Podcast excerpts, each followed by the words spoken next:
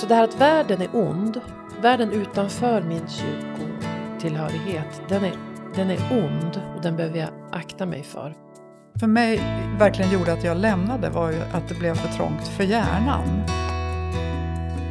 Vem var jag om jag inte var kristen?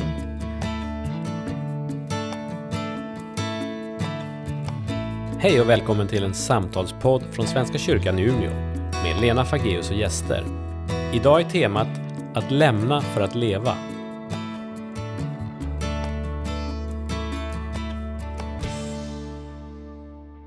Så välkomna tillbaka till vårt samtal som handlar om att lämna för att leva. Emma, Lisa, Lena och du som lyssnar. Vi tänder ljuset som vi brukar.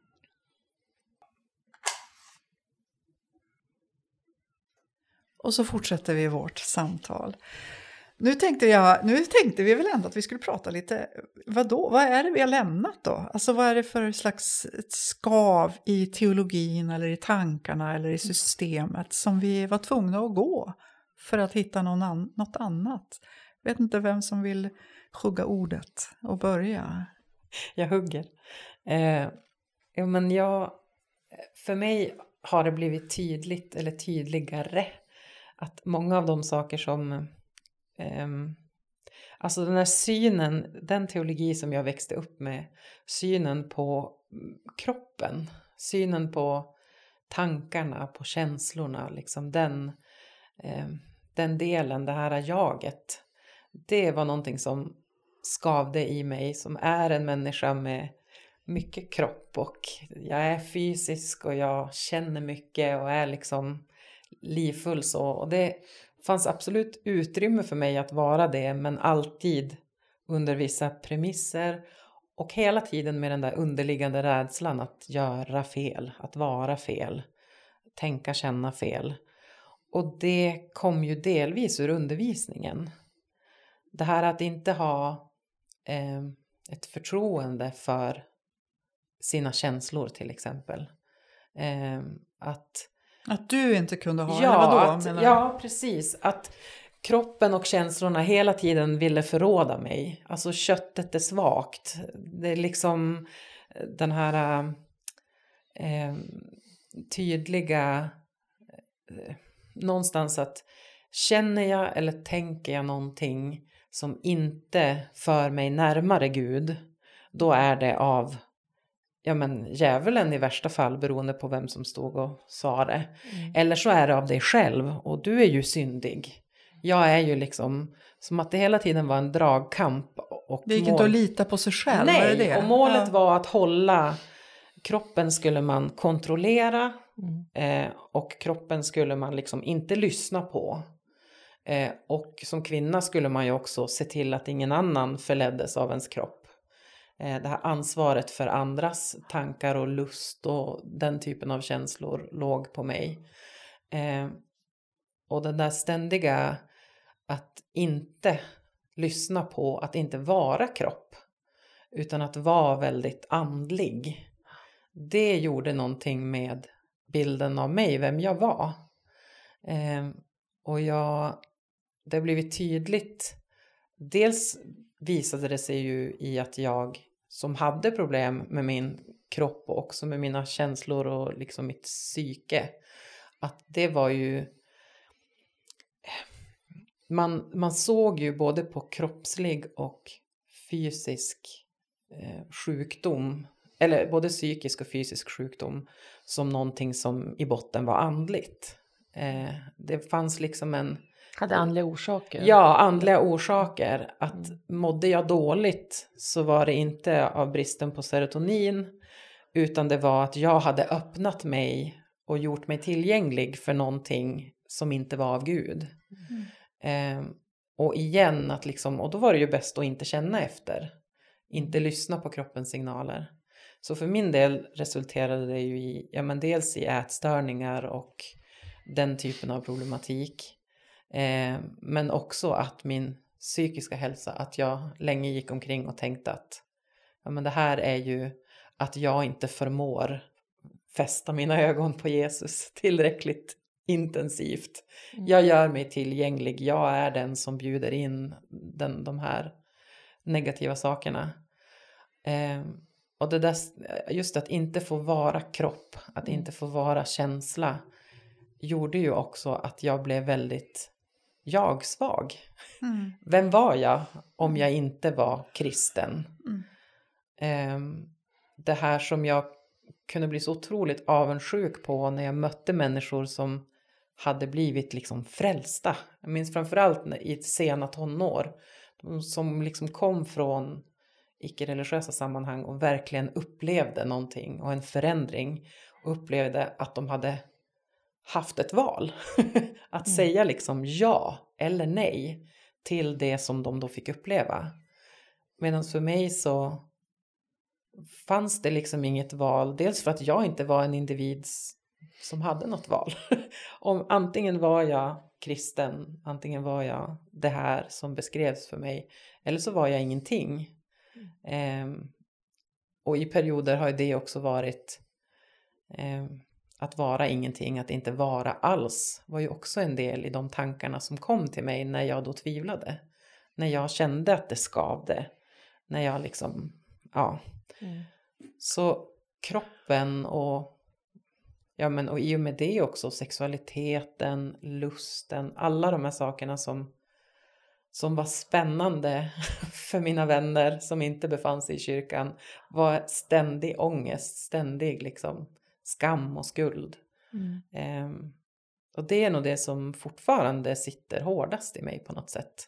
Just det där att jag får liksom jobba på att komma ihåg att jag är kropp. jag är liksom både, jag är både, jag är ande men jag är också själ och kropp. Mm. Ehm, Och vi var ju tonåringar, vi skulle ju... Vi, och så där är det när man, man håller på att bli vuxen, man ska hitta sin identitet och så. Och jag har tänkt på att det blev problematiskt när, när vuxna sa att du kan, du, du kan inte ens lita på mm, mm, dina tankar och känslor. För det, de, de, de är... Man får passa sig för om de inte är från Gud. Det skapar en väldig ambivalens och, och osäkerhet. Och just dualiteten också att å ena sidan förneka dina känslor, å andra sidan så är känsloyttringar det yttersta beviset på att du verkligen tror. Mm. Alltså Ja, gråter, du, väldigt svårt. gråter du när du leder lovsång, blir du väldigt berörd, ja men Mm. då är det ju tydligt att du är nära Gud. Mm. Men känner du någonting annat väldigt starkt i ett annat sammanhang, då är du på väg bort. Mm. Och den, ja ambivalens är ett bra ord. Mm. Mm. Eh, Men det handlar ju väldigt mycket om sexualitet, gör inte det? Alltså det som var Mm. farligt på något sätt var sexualiteten. mm, Så att det... Det var Ja. otroligt mycket bibelstudier om sexualitet, om samlevnad, hur man skulle leva ihop. Och jag sa det tidigare att jag, jag gifte mig för det ingick i mönstret. mm, Alltså det var så viktigt att få bli gift. mm, Det, det, det där, det mm. där mm, höll jag på med mycket. Liksom. För, för man befann sig på ett område där man behövde hitta väldigt tydliga ramar. Och det förkunnades så också, Mm. undervisades så. Hur långt får man gå till exempel i, alltså, i sexakten? Hur Mm. långt får man gå för att det ska vara okej? Mm, Sånt kunde alltså, undervisas om. mm. Är Och, och det också med undervisning kan jag tänka ibland tillbaka på när jag då befann mig i ledande positioner som lovsångsledare eller förebedjare under en konferens eller så. Att jag då kunde sitta som 20-åring och någon kom till mig och sa Ja, jag kan inte låta bli att lägga min hand på min pojkväns ben. Kan du hjälpa mig att be för min lust liksom? För jag vet ju att det väcker något i honom. Alltså det här att jag Alltså att man sitter och ger människor råd. Eller liksom Mm. ber över någonting som, ja. Det är alldeles naturligt. Ja, jag Ja. menar någonstans också skapar också en, bekräftar en skam. Ja, det ska du inte göra. Alltså, Mm. ja det här är ett problem. Det behöver vi be för. Mm. Att du känner lust till den person som du eh, liksom Mm. är tillsammans med. Mm. Det, Mm. det problematiserar saker som ju inte är, och just mycket skam. Mm. Skam över tankar och känslor och, och ja.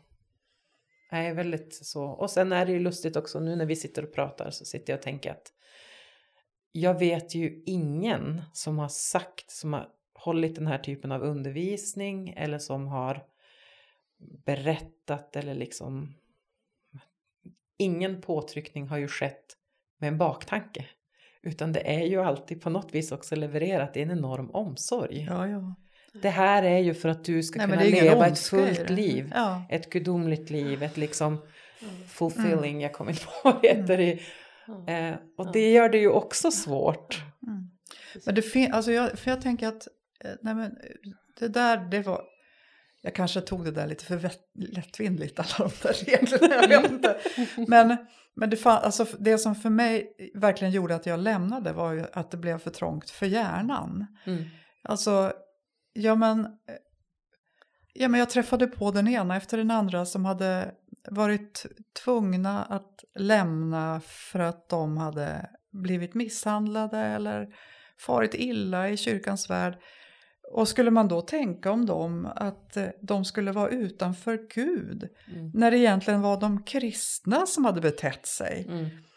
Eh, alltså det, det fan, ja, men gång på gång så hamnar jag i såna här återvändsgränder där, det, det, där tänkandet eller trosystemen inte, det, det fanns, logiken var för dålig och det fanns inget mysterium och allting var liksom inramat och inboxat och det fanns svar på allting.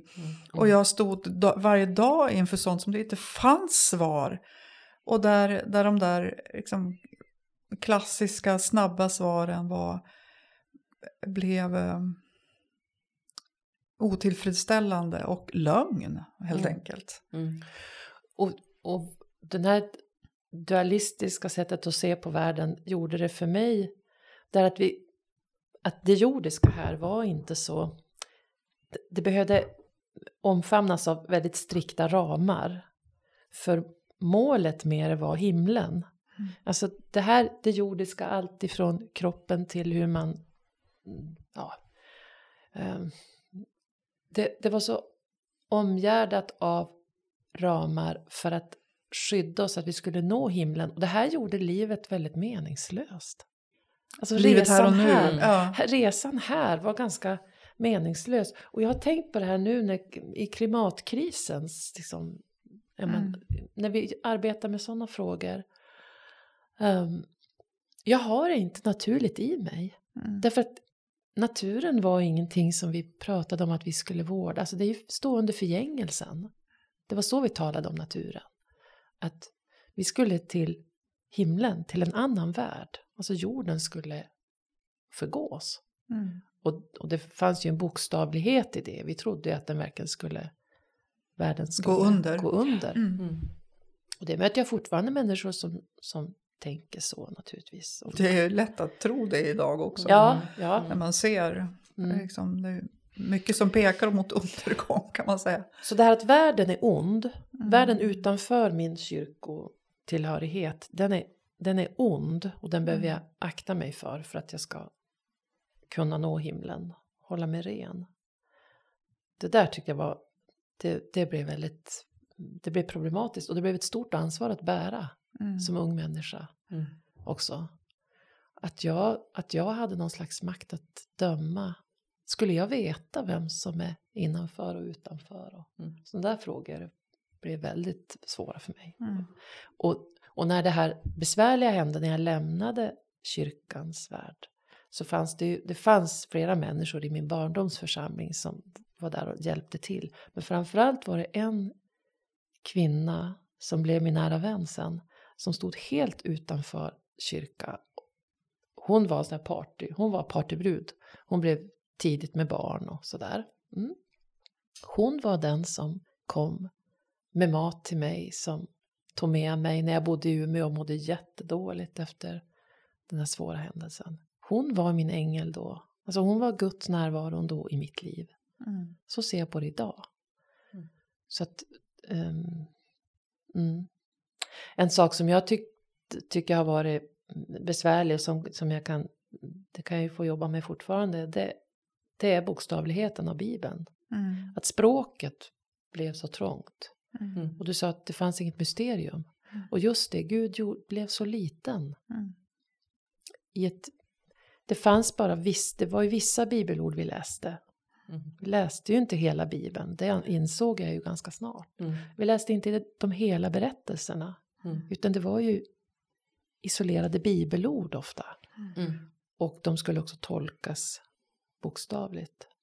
Så det gjorde hela tron mindre. Idag är, idag är tron på något annat sätt. Alltså, Betydligt mer. Jag läser ju Bibeln metaforiskt idag.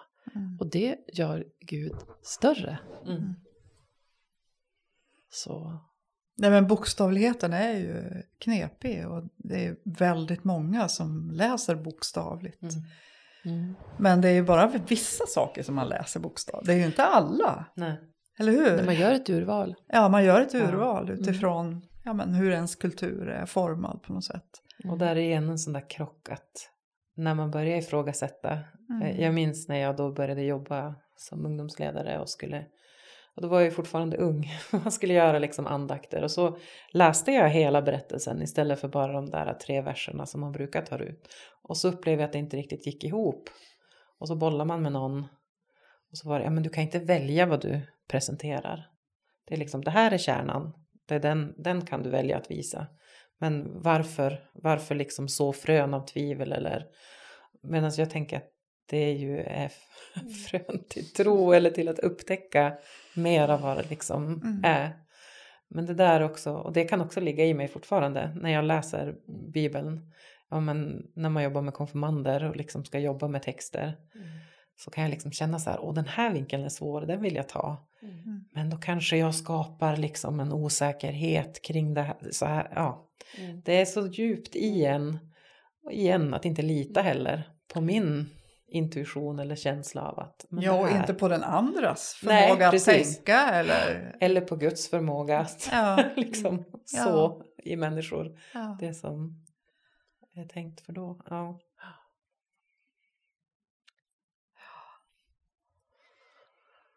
ja. Jag tror att vi ska avrunda den här delen av vårt samtal och gå till nästa.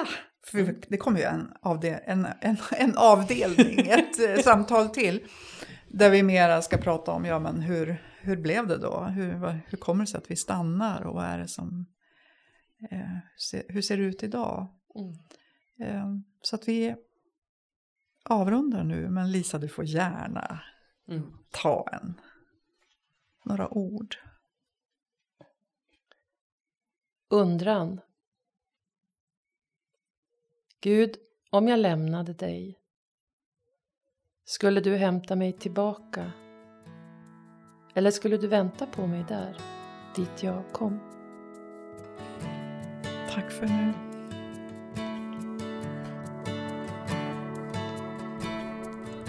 Du har hört Angeläget, en podd med Lena Fageus och gäster.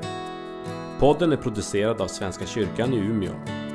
Vill du fortsätta samtalet når du oss på Svenska kyrkan i Umeås Facebook eller via e-post till umia.kommunikation svenskakyrkan.se. Tack för att du lyssnade.